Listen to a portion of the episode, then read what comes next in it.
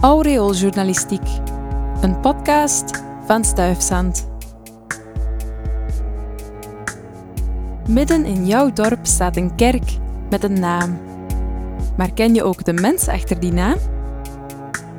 Vandaag vertelt Luc Nijs je het verhaal van het feest van de Heilige Familie, dat in de katholieke kerk gevierd wordt op 29 december.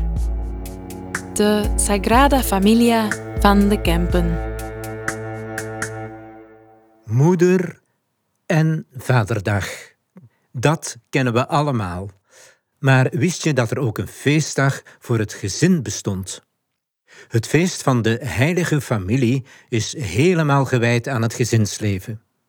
Het ontstond in de 17e eeuw, maar floreerde pas echt in de 19e eeuw toen het werd aangemoedigd door de toenmalige paus. De volgende paus schafte het feest weer af, maar vanaf de jaren 1920 werd het terug op de kerkelijke kalender gezet.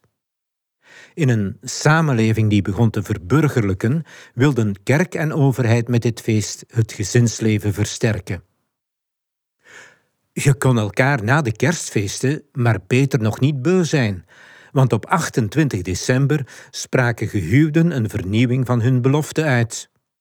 En bevestigden geloofden dat ze wilden trouwen en samen een nieuw gezin wilden vormen.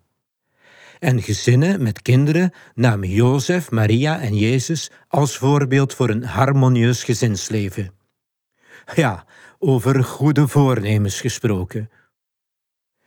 De beroemde Sagrada Familia in Barcelona en de kerk van Desselwitgoor zijn allebei gewijd aan de heilige familie.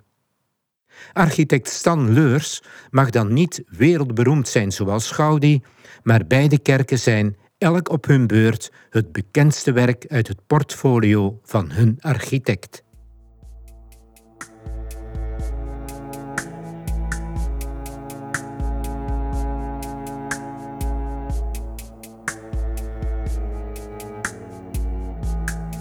Dit was een podcast van Stuifzand en de klassen Woord en Audio Engineering van de Geelse Academie voor Muziek, Woordkunst, Drama en Dans, met steun van de Vlaamse overheid. Heb je nog vragen, suggesties of opmerkingen?